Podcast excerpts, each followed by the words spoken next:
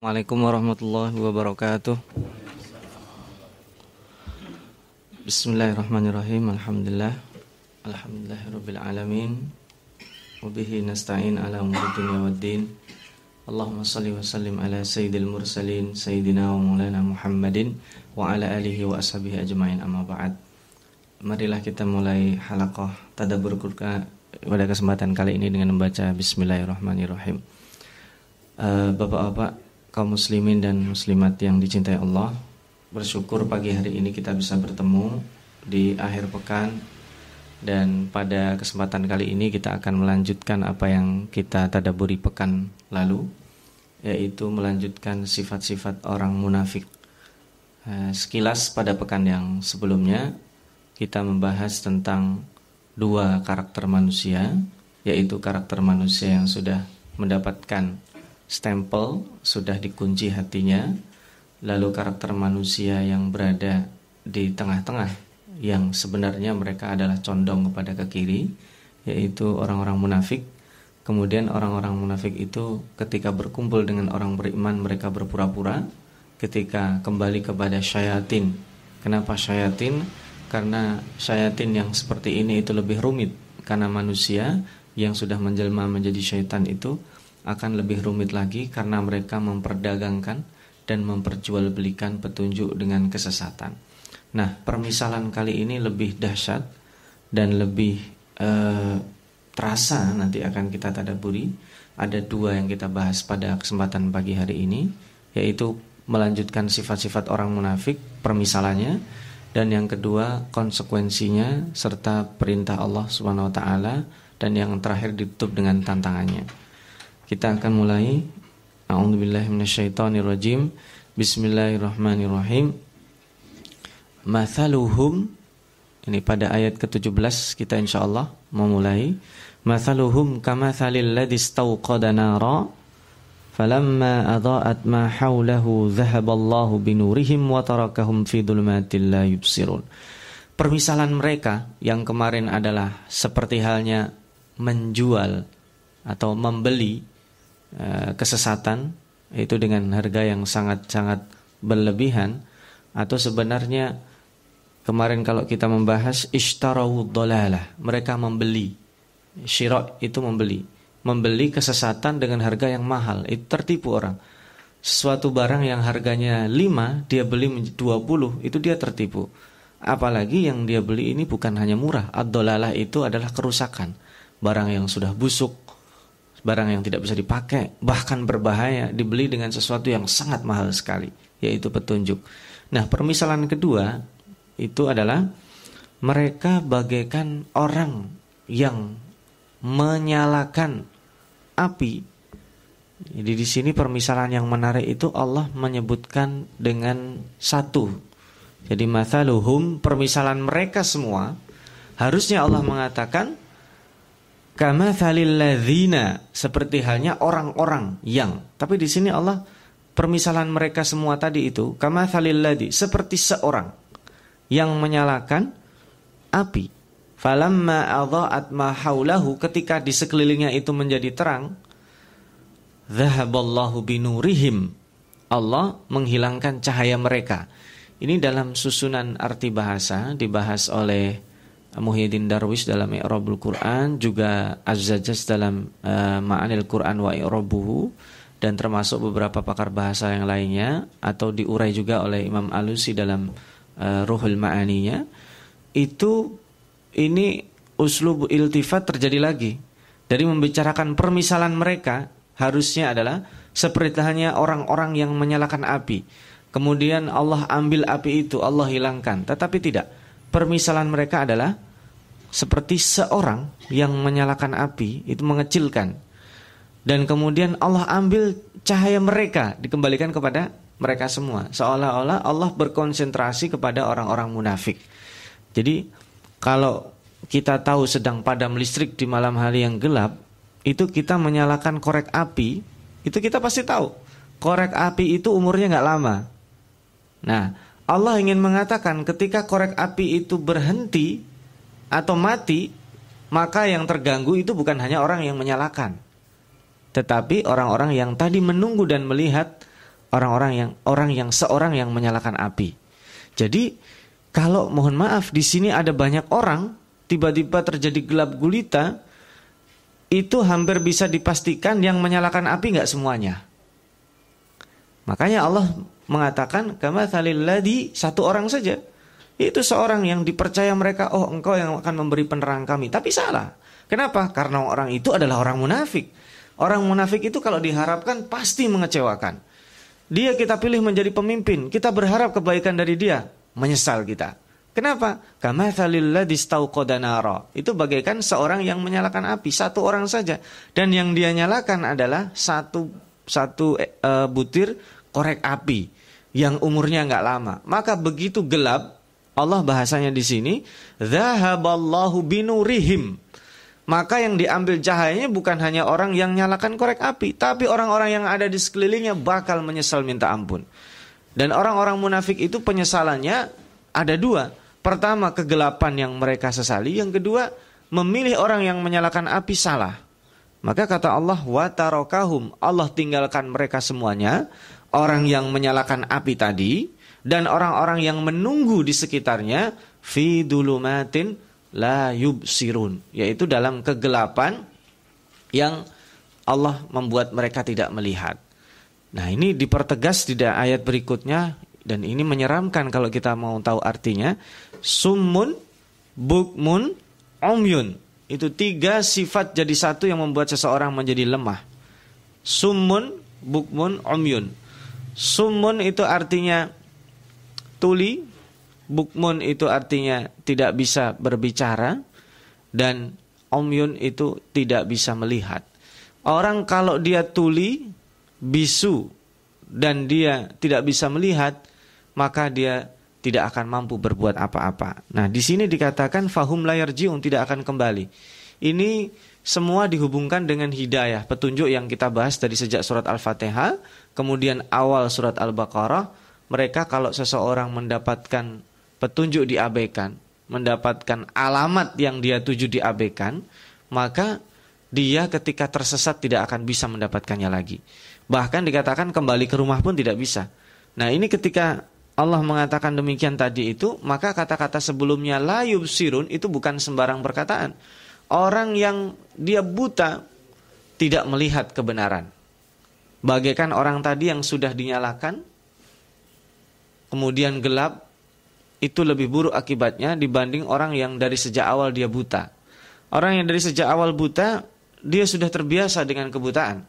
Tapi orang yang terbiasa melihat hum summun bukmun umyun itu adalah penyakit yang ditimpakan Allah sekali, mereka layu yubsirun. Itu pertama. Yang kedua, kenapa uh, tidak bisa berbicara ketika ada kebenaran? Maka itu adalah orang-orang yang bisu.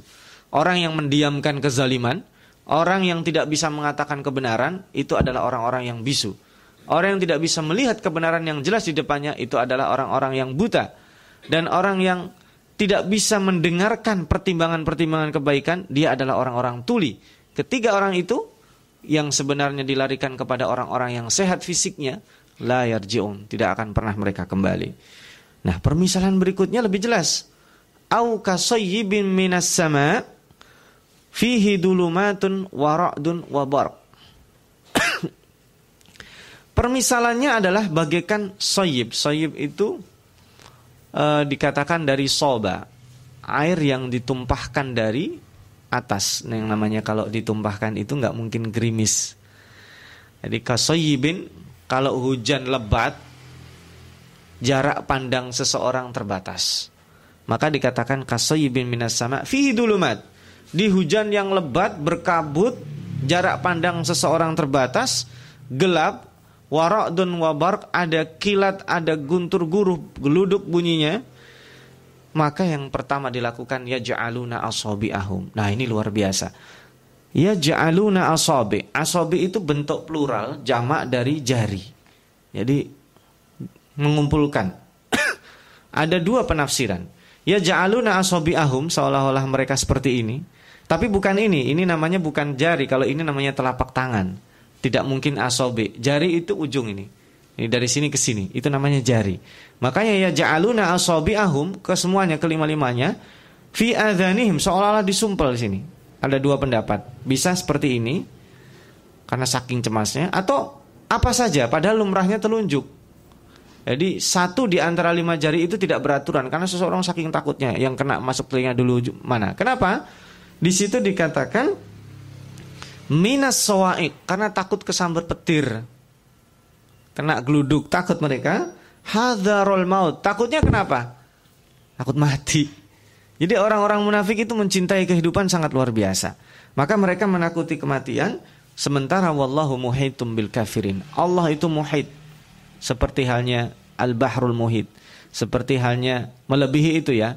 Permisalan saja seperti halnya laut Atlantik. Laut Atlantik itu mengelilingi semua daratan yang ada di sekitarnya. Maka Allah juga muhitun bil kafirin. Mau lari ke depan, kematian ada di depan ke belakang, kematian ada ke belakang. Samping kanan, samping kiri, di atas, di bawah, malaikatnya menunggu. Makanya muhitun bil kafirin itu adalah berkaitan dengan kematian itu. Ya kita saja kematian bisa dengan sakit, bisa dengan tidak. Bisa di rumah, bisa di jalan. Bisa di rumah sakit, bisa di mana saja. Kematian itu muhit, ada di mana-mana.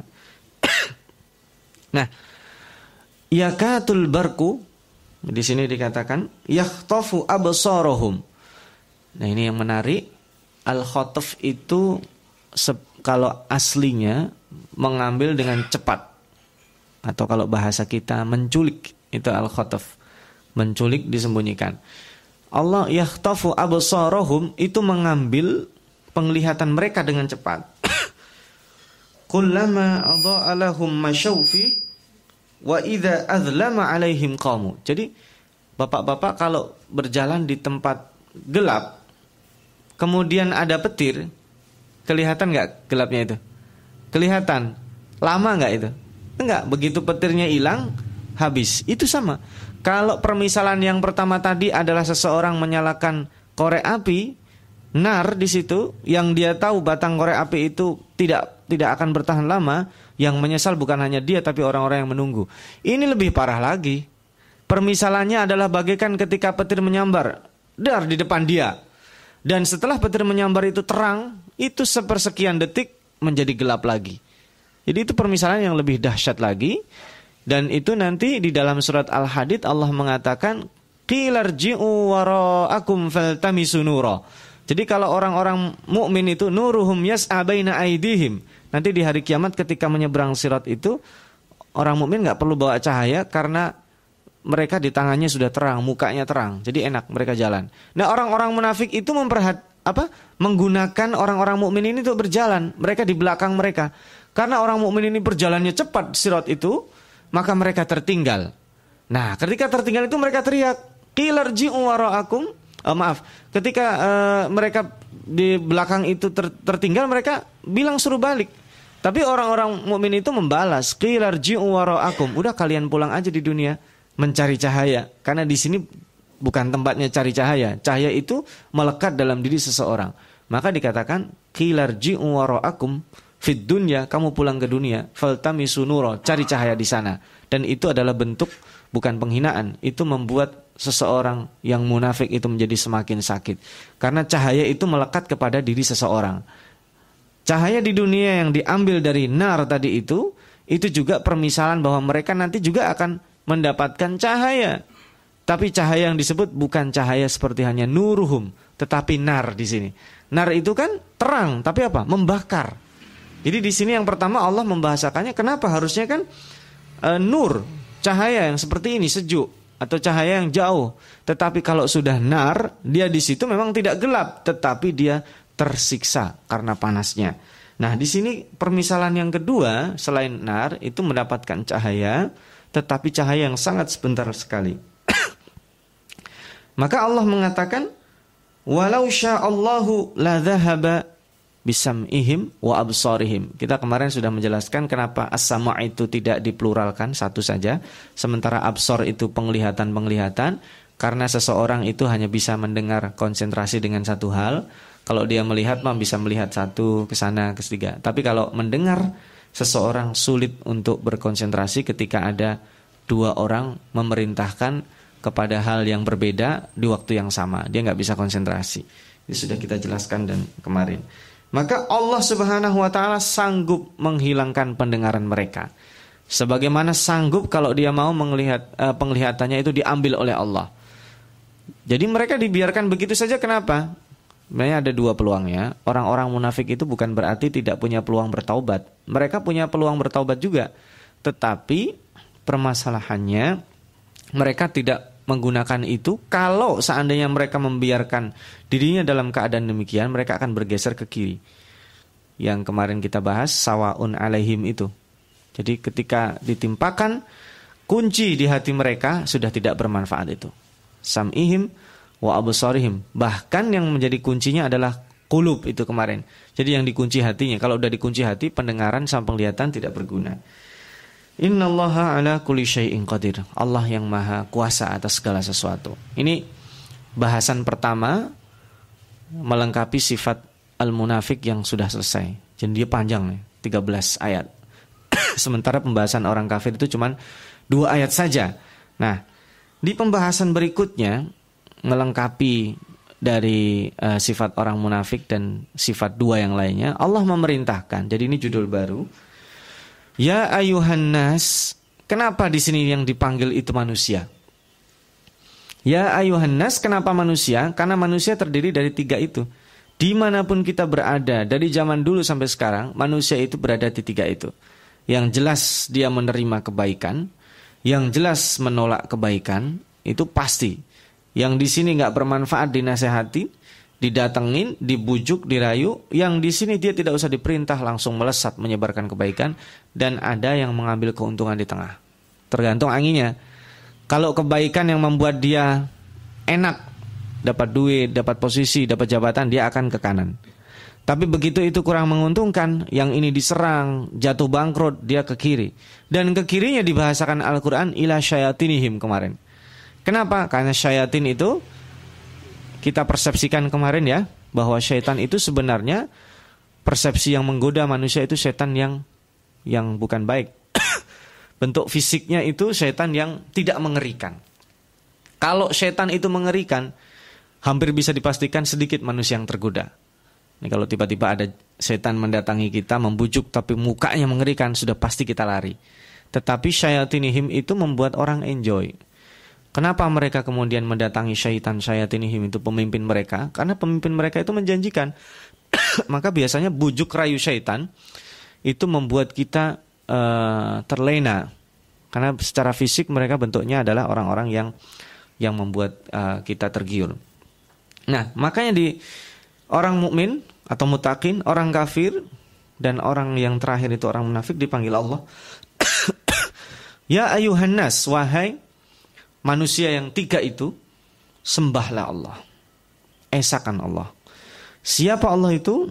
Alladhi khalaqakum yang mencipta kalian semua. Walladzina min qablikum. Nah, yang menarik itu di sini adalah closing ayatnya la'allakum tattaqun supaya kalian bertakwa. Nah, supaya kalian bertakwa ini jadi Allah itu lebih mengutamakan orang beriman. Jadi kalau misalkan di depan saya ini ada anak kecil, ada orang tua, kemudian ada anak muda, ada orang yang sakit, itu saya berbicara tidak bisa semua. Di saya kalau terlalu menggunakan bahasa orang tua, yang kecil nggak paham. Menggunakan bahasa anak kecil, yang tua bosan. Menggunakan bahasa anak kecil, yang tua tersinggung. Tetapi Allah di sini meskipun bahasanya manusia, terakhirnya Allah la'alla kum tatakun di sini supaya kalian bertakwa itu standarnya paling tinggi.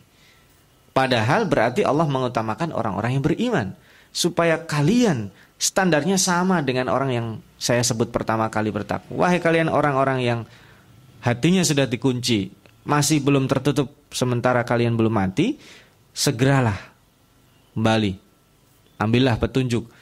Jadilah orang bertakwa. Wahai kalian orang yang muzabzabin ke kanan dan kadang ke kiri, ke kanan ke kiri, ingatlah bahwa Allahu muhitum bil kafirin. Kematian itu datang setiap saat.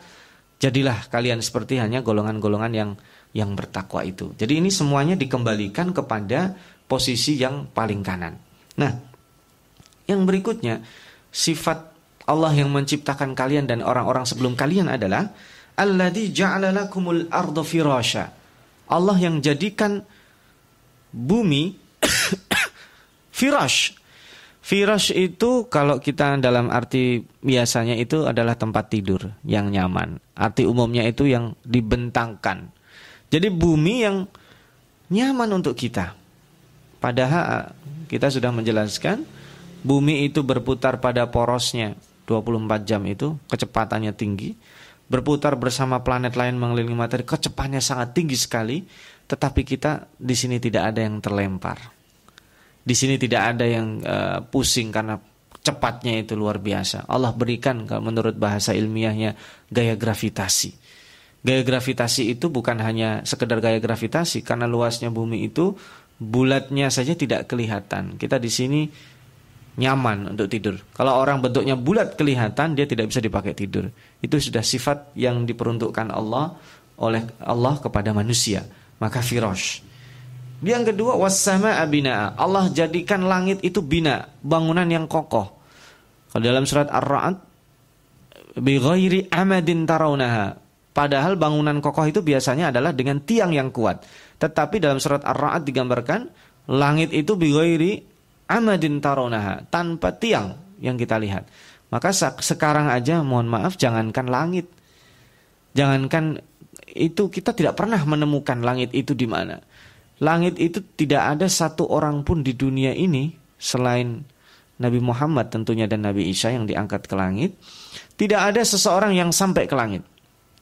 Yang kita lihat itu adalah batasan terjauh yang mungkin sampai oleh mata manusia ataupun teropong yang digunakan manusia. Selama ini belum pernah ada orang menemukan batasan terakhir, mentok, wah itu langit. Tidak ada. Itu adalah jarak pandang terjauh yang bisa diterima oleh manusia. Padahal luasnya alam semesta itu sangat panjang. Nah yang kedua, kenapa bina? Karena Allah menjadikan langit itu seolah-olah sebagai seperti plafon ini. Dia menjadi sekaligus kekokohan juga menjadi hiasan. Karena kalau seandainya sebagus-bagusnya rumah tanpa plafon, saya kira uh, gimana? Ada rumah tanpa plafon, sulit. Maka di sini dilengkapkan Allah wa anzala minas sama'i. Allah yang menurunkan. Jadi setelah menciptakan, menjadikan bumi layak huni dan langit yang kokoh untuk melindungi. Yang keempat sifatnya adalah yang menurunkan dari langit ma. Jadi ma itu secara khusus adalah memang karunia Allah. Tetapi dia bisa berubah tadi. Kasoyibin.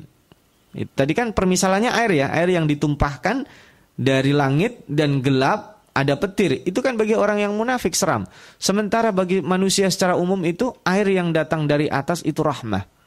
Kenapa kemudian tiba-tiba menjadi banjir? Nah, itu kita lain cerita. Bahwa air itu diciptakan Allah, Allah menciptakan air itu diciptakan oleh olehnya segala sesuatu yang hidup. Dan air itu yang menjadi tentara Allah. Lihat Nabi Nuh, tentara Allah apa? Air. Makanya ditenggelamkan itu semuanya. Lihat Nabi Musa yang mengantar Musa ke istana Fir'aun. Itu apa tentara Allah? Air. Lihatlah yang menenggelamkan Fir'aun di Laut Merah. Itu tentara Allah. Siapa itu? Air.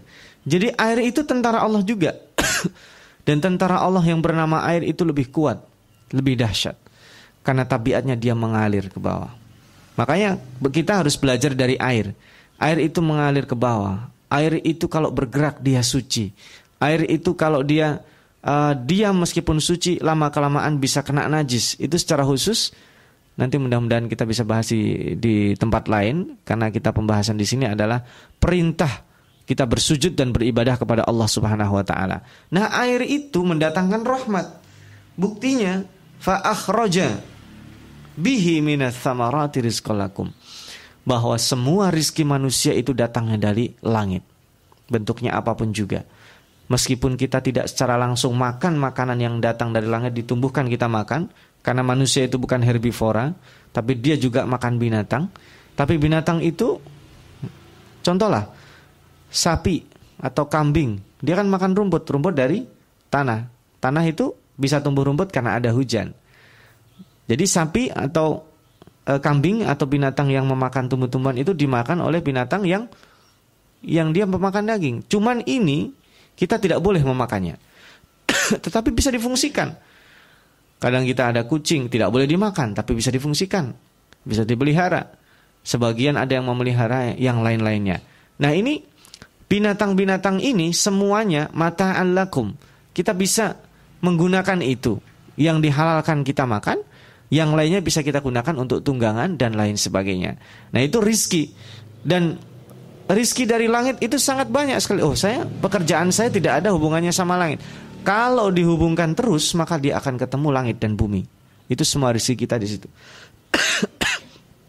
nah, fala taj'alu lillahi andada. Maka jangan kalian jadikan musuh bagi Allah.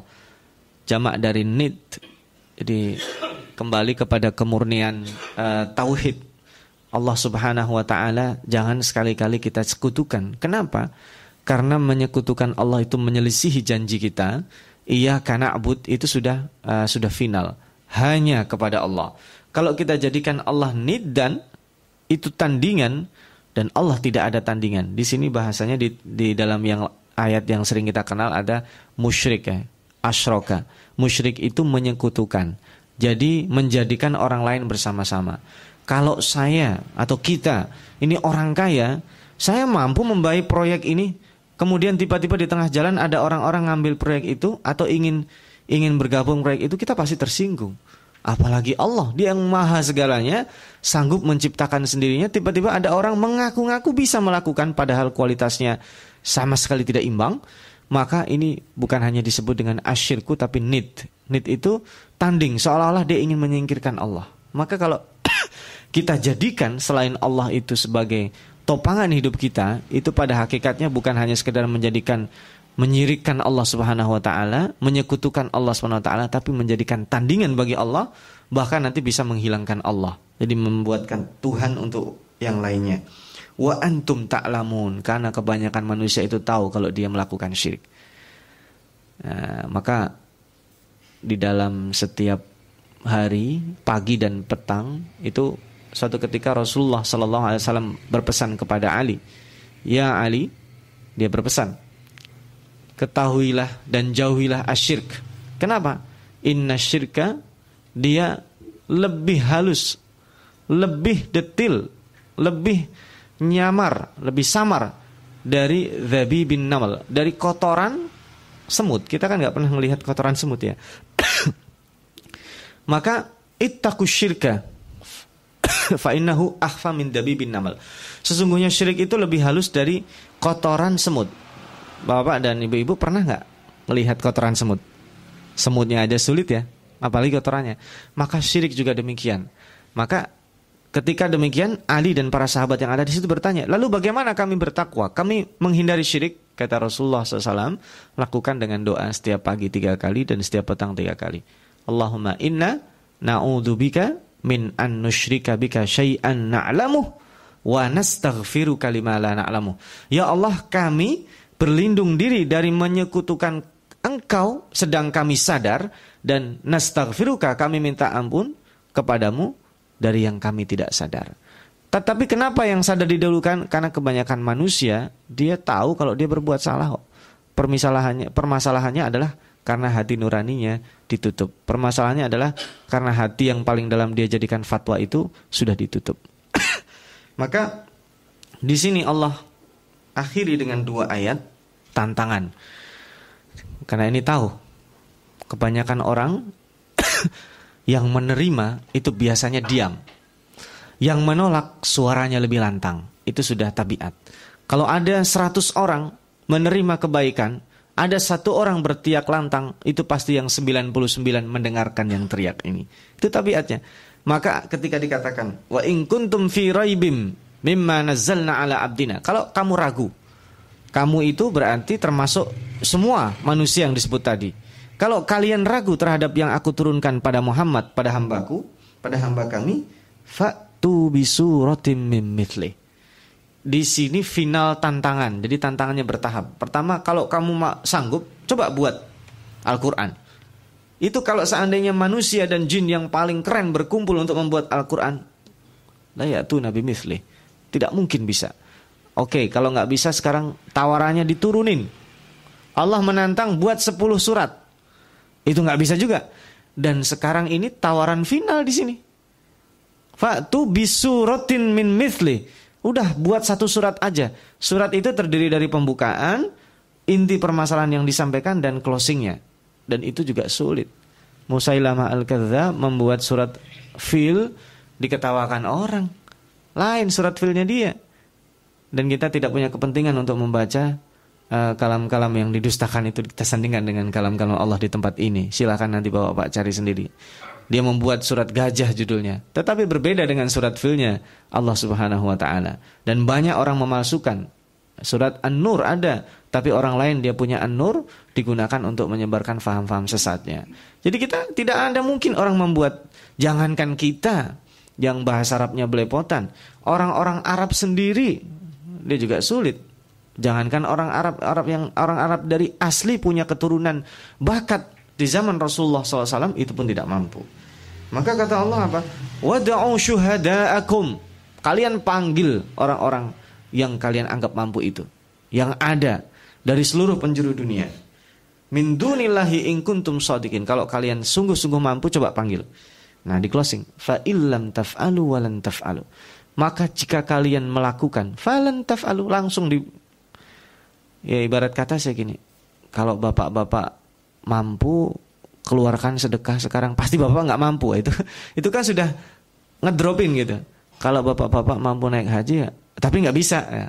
itu sudah langsung dipatahkan karena tidak mungkin ada harapan lagi. Kenapa? Karena orang-orang yang sudah berulang-ulang diberikan nasihat kemudian tidak ada harapan maka Allah akan closing. Closingnya dengan ancaman. Wa illam taf'alu walan taf'alu kata Allah fattaqun nara. Hati-hati. Nah ini di Awal tadi kita permisalannya nar biar orang kebayang itu nar kecil. Tetapi nar yang belakangan ini naudzubillah allati waquduhan nas wal hijarah yang dia wakutnya jadi wakut itu sebagai gambaran ini di ayat ini mungkin ayat terakhir ya 24 ya. Sebagai gambaran wakut itu adalah bahan bakar. Waquduhan nas wal hijarah. Nas jelas manusia. Kenapa al hijarah dalam beberapa buku tafsir yang yang kami sebut tadi, al-hijarah itu jamak dari hajar. Kalau hajar itu batu satu, batu yang sekelompok batu kecil itu disebut dengan ahjar. Bahasa Arabnya. Kalau hijarah itu batu yang udah banyak, menggunung. nah, itu batu nanti dibakar di neraka. Dan menjadi wakut. Wakut itu kesentuh menyala. Jadi kalau kita di dunia ini kayak arang ya. Jadi kalau arang itu kita bakar, tujuannya bukan bakar arangnya. Tapi apa? Supaya akar itu nanti, ya, arang itu tadi dijadikan bahan bakar yang lainnya untuk membuat sate. nah manusia sama batu itu nanti gitu, dibakar sampai merah. Nanti kalau ada manusia lain yang datang belakangan kesentuh, dia langsung terbakar. Coba, itu permisalan yang mohon maaf, ngeri banget nggak? Jadi kalau orang sekedar, kan kemarin kita ingat ya yang pertama, ada bun alim, ada bun azim, ada bun muhim, ada bun mukim. Disiksa di ruang ber-AC saja sakit. Dimasukin neraka nggak usah disiksa, sudah sakit. Digabungkan dua-duanya. Nah ini yang tadi disebut tempatnya itu fattakun narallati waquduhan nas wal hijarah. Jadi anas manusia dan al hijarah batu-batu itu dia dibakar tujuannya bukan sekedar dibakar, dijadikan bahan bakar orang-orang yang datang belakangan. Nauzubillah min dzalik. Kita bayangkan manusia.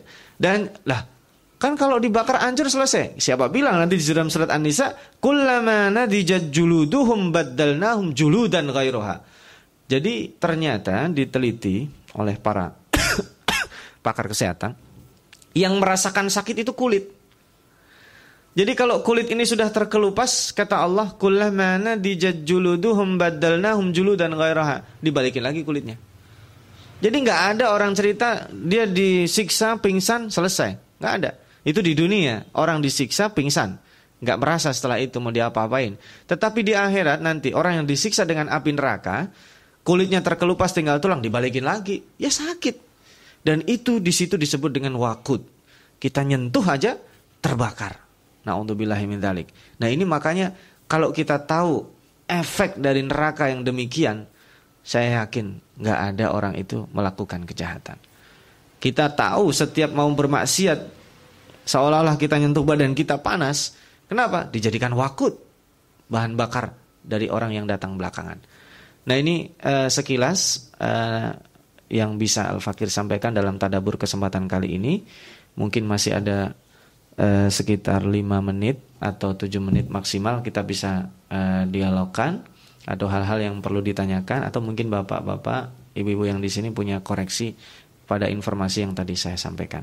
Sementara itu yang bisa Al Fakir sampaikan, Assalamualaikum warahmatullahi wabarakatuh. Silakan jika ada yang mau bertanya. Ada yang mau ditanyakan Bapak berkaitan dengan ini?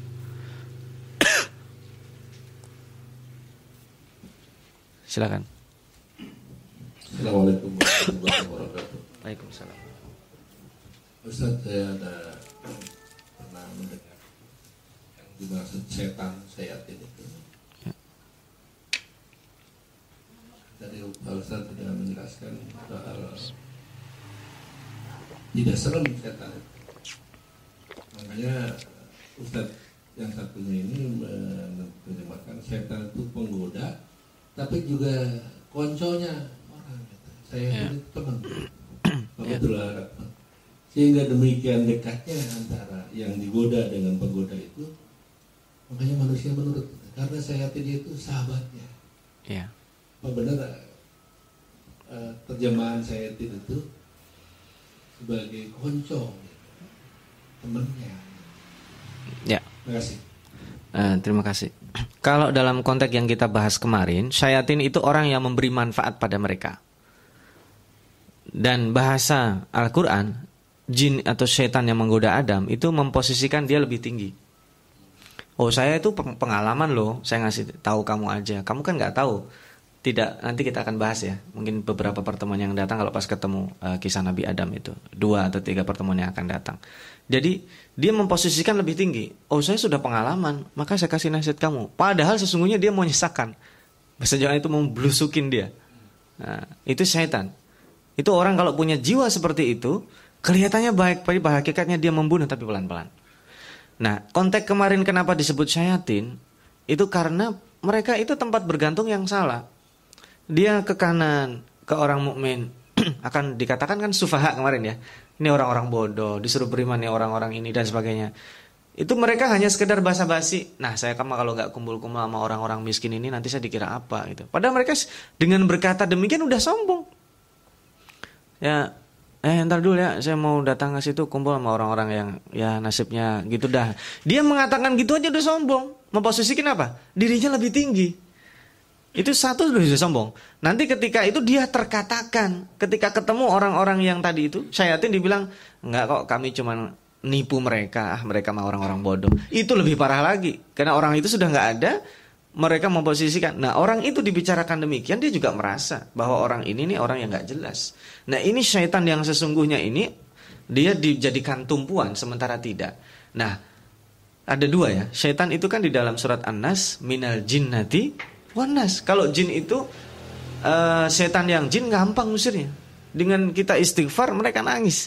Jatuh kita buat maksiat, beristighfar seperti diajarkannya Nabi Adam, mereka nangis. Tetapi syayatinal insi minal jin nanti wanas itu yang susah. Ya bisa dikatakan teman. Karena suatu teman itu dalam arti fisiknya, tapi sesungguhnya dia menjatuhkan kita. Dan setan yang paling mengerikan kan yang bentuknya bagus. Kalau di neraka itu nanti kan sajaratus zakum, tal'uhar, ru'usus syayatin itu ya. Seperti uh, apa kepala setan. Itu kan setan yang sudah jadi karena dia bentuknya memang menyeramkan. Tetapi itu tidak mungkin goda kita. Yang menggoda kita itu pasti membuat kita nyaman. Orang tergoda dengan uang. Berarti dia suka uang kan? Tergoda dengan perempuan. Mohon maaf, perempuannya jelek, bau. Kan enggak? tergoda dengan apa coba sekarang? Jabatan. Jabatannya itu penuh dengan resiko atau menjanjikan sesuatu? Pasti sesuatu yang menggoda itu berarti ada aura dia ketertarikan. Maka syayatin yang disebut di ayat kemarin dan sekarang itu mereka permisalannya yang mengerikan tadi ya ada nar, kemudian ada cahaya apa petir. Itu semuanya mengarah kepada sesuatu yang membuat dia terlena. Entah posisinya dia sebagai pemimpin, orang yang dijadikan tumpuan atau sebagai dia teman sehari-hari gitu. Tertipu. membuat dia tertipu. Itu buat syayatin. Itu kan dia Istarawu dolalah, memberi barang rusak dengan barang yang paling mahal. Oke, saya beli dengan rumah saya seisinya. Ternyata dibawa lari kabur itu barang yang nggak ada. Nyesel gak orang itu? Nanti di dunia kayak gitu kira-kira permasalahannya. Saya kira itu Pak ya. Eh, dan Ibu-ibu cukup karena sudah uh, jam 6. Nanti kita lanjutkan dengan uh, sambil santai. Sementara ini kita cukupkan sekian saja. Mudah-mudahan pekan depan uh, pekan terakhir sebelum Ramadan kita bisa ketemu di hari Jumat dan kita berdoa saat datangnya bulan Ramadan mudah-mudahan Allah sehatkan badan kita, Allah sehatkan fisik dan kondisi psikis kita sehingga kita bisa beribadah dengan maksimal.